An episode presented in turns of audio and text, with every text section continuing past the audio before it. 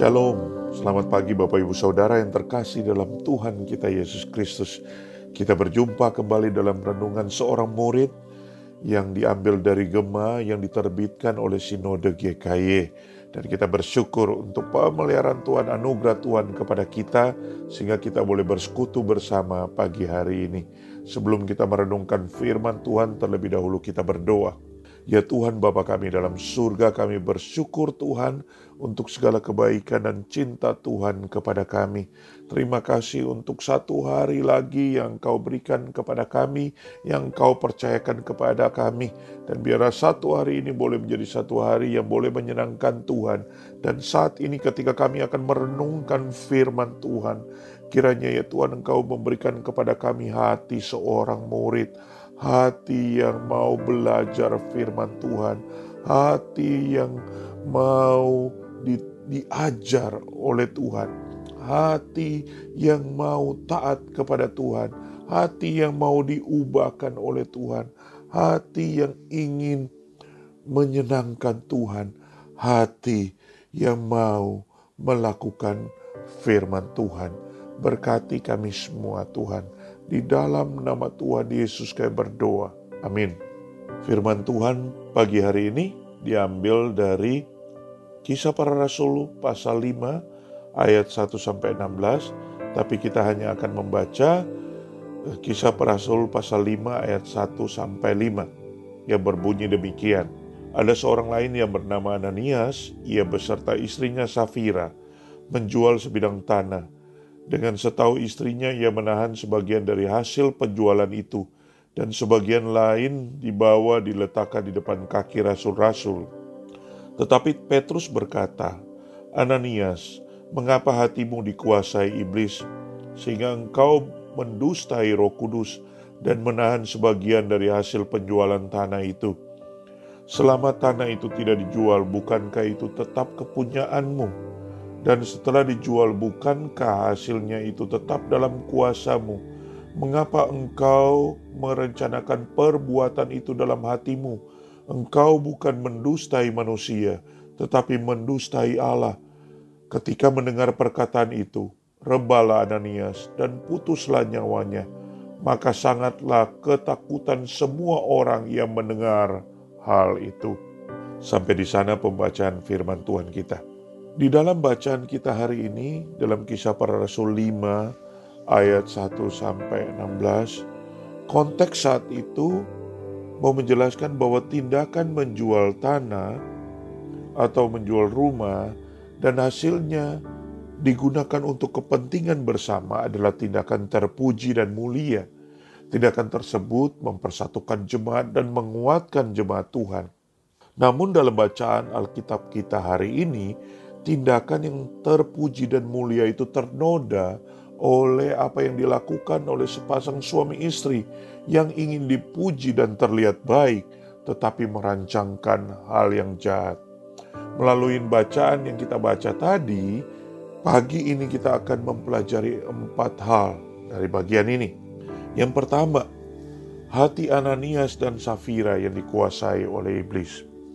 Hal pertama yang Petrus tegur kepada Ananias adalah hatimu dikuasai oleh iblis.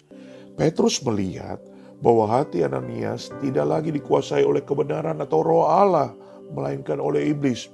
Hati adalah mewakili seluruh diri seseorang. Hati yang taat menggambarkan seorang pribadi yang taat, tetapi hati yang jahat juga melambangkan pribadi orang itu yang jahat dan keseluruhan diri orang itu yang jahat. Itulah sebabnya maka kita harus menjaga hati kita. Amsal 4 ayat 23 berkata, Jagalah hatimu dengan segala kewaspadaan, karena dari situlah terpancar kehidupan. Ananias dan Safira tidak menjaga hati mereka. Hati mereka dikuasai oleh iblis, sehingga mereka sepakat untuk merancangkan kejahatan. Saudara, dan hal ini tidak berkenan kepada Tuhan. Namun bagaimana dengan kita? Kalau kita melihat hati kita, apakah hati kita adalah hati yang berkenan kepada Tuhan? Apakah hati kita hati yang tertuju kepada Tuhan? Ataukah hati kita juga dikuasai oleh iblis. Yang kedua, kebohongan daripada Ananias dan Safira. Dosa Ananias dan Safira bukan hanya karena mereka menahan sebagian uangnya, tetapi juga mereka sepakat untuk tidak mengatakan dengan benar dan dengan jujur. Ketika Petrus bertanya kepada mereka, mereka tidak mengatakan yang sesungguhnya dan sebenarnya. Mereka memilih untuk sehati berbohong kepada Petrus. Mereka lupa bahwa ketika mereka berbohong, mereka tidak hanya berbohong kepada Petrus, melainkan juga kepada Allah, dan hal ini sangat serius. Inilah kebenaran yang kita sering kali lupa bahwa waktu kita tidak jujur kepada seseorang atau ketika kita berdusta, maka kita bukan hanya tidak jujur dan berdusta kepada seseorang, tetapi kita juga tidak jujur dan berdusta kepada Allah. Waktu kita berbohong kepada manusia, kita juga sedang berbohong kepada Allah. Ananias dan Safira mendustai Allah. Saudara, jangan menganggap remeh, jangan menganggap sepele dosa daripada kebohongan. Firman Tuhan berkata, "Jika ya, hendaklah kamu katakan ya, dan jika tidak, hendaklah kamu katakan tidak." Yang ketiga, dosa kemunafikan daripada Ananias dan Safira Ketika Yesus melayani di dunia ini, Tuhan Yesus banyak kali melakukan kecaman kepada ahli-ahli Taurat dan orang Farisi. Mengapa? Karena Tuhan Yesus melihat apa yang ada di dalam hati mereka, tidak sama apa yang keluar di dalam hidup mereka. Hal itu Tuhan Yesus katakan kepada ahli-ahli Taurat dan orang-orang Farisi yang hidup di dalam kemunafikan. Mereka berperilaku sangat baik dalam pandangan manusia, namun di dalam hati mereka mereka begitu jahat. Itulah sebabnya Tuhan Yesus berkata di dalam Matius 23 ayat 27. Celakalah kamu hai ahli-ahli Taurat orang-orang Farisi, hai kamu orang-orang munafik. Sebab kamu sama seperti kubur yang dilabur putih, yang sebelah luarnya memang bersih tampaknya, tetapi yang sebelah dalamnya penuh tulang belulang dan pelbagai jenis kotoran. Dosa kemunafikan. Inilah yang diperbuat Ananias dan Safira. Di hadapan Petrus dan orang-orang percaya pada saat itu mereka ingin memperlihatkan diri sebagai seorang yang baik, sebagai orang yang dermawan tetapi ternyata mereka merancangkan kejahatan dalam hati mereka. Mereka mati karena kejahatan hati mereka. Mereka mati karena kemunafikan mereka. Yang keempat, dosa daripada Ananias dan Safira adalah dosa yang tidak menghargai kekudusan daripada Allah. Ananias dan Safira tahu benar bahwa rasul-rasul adalah orang-orang yang secara khusus dipanggil oleh Tuhan untuk menjadi pelayannya. Tetapi mereka mencobai Tuhan. Hati mereka dikuasai oleh iblis. Mereka berdusta di hadapan para rasul dan berusaha terlihat baik di depan rasul-rasul. Namun mereka bukan hanya tidak menghargai para rasul, melainkan juga mereka tidak takut kepada Tuhan. Mereka tidak gentar kepada Tuhan Allah. Mereka tidak menghargai kekudusan daripada Tuhan Allah. Dalam Yesaya 6 ayat 5, Yesaya berkata, Celakalah aku, aku binasa, sebab aku ini seorang yang najis bibir, dan aku tinggal di tengah-tengah bangsa yang najis bibir. Namun mataku telah melihat Sang Raja, yakni Tuhan semesta alam.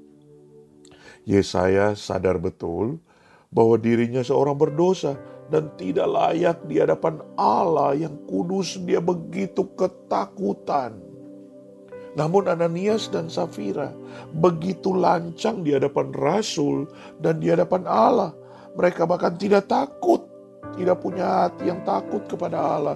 Mereka tidak menghargai dan tidak menghormati kekudusan daripada Allah.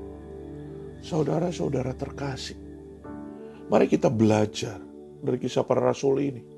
Pasal 5 ayat 1 sampai 11. Itu biarlah hati kita selalu dikuasai oleh kebenaran firman Tuhan. Biarlah hati kita selalu dikuasai oleh roh Tuhan. Dan mari kita juga menjadi orang yang berkata kebenaran dan hidup di dalam kebenaran. Mari kita menjadi orang yang punya kemurnian hati dan tidak munafik. Dan terakhir, marilah kita punya hati yang takut dan gentar kepada Allah. Mari kita menghargai dan menghormati kekudusan Allah di dalam hidup kita.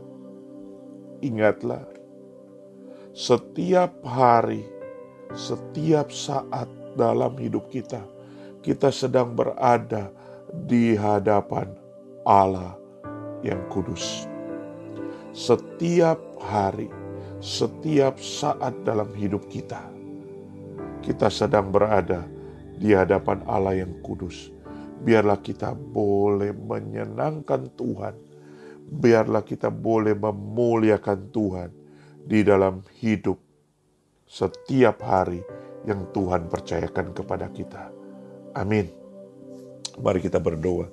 Tuhan Yesus berkati kami semua Tuhan, supaya setiap kami boleh memiliki hati yang takut akan Engkau.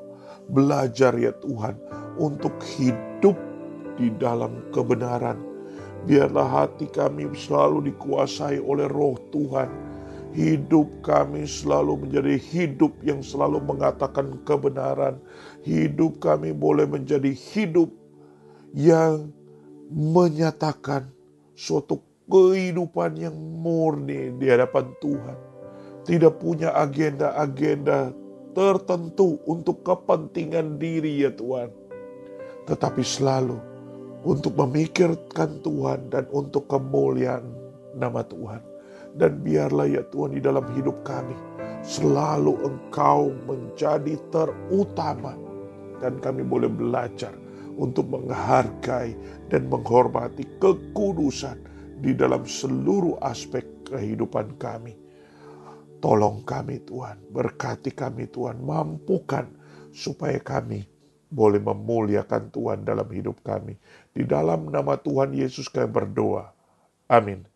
Tetap semangat, tetap sehat, tetap percaya. Tuhan Yesus memberkati.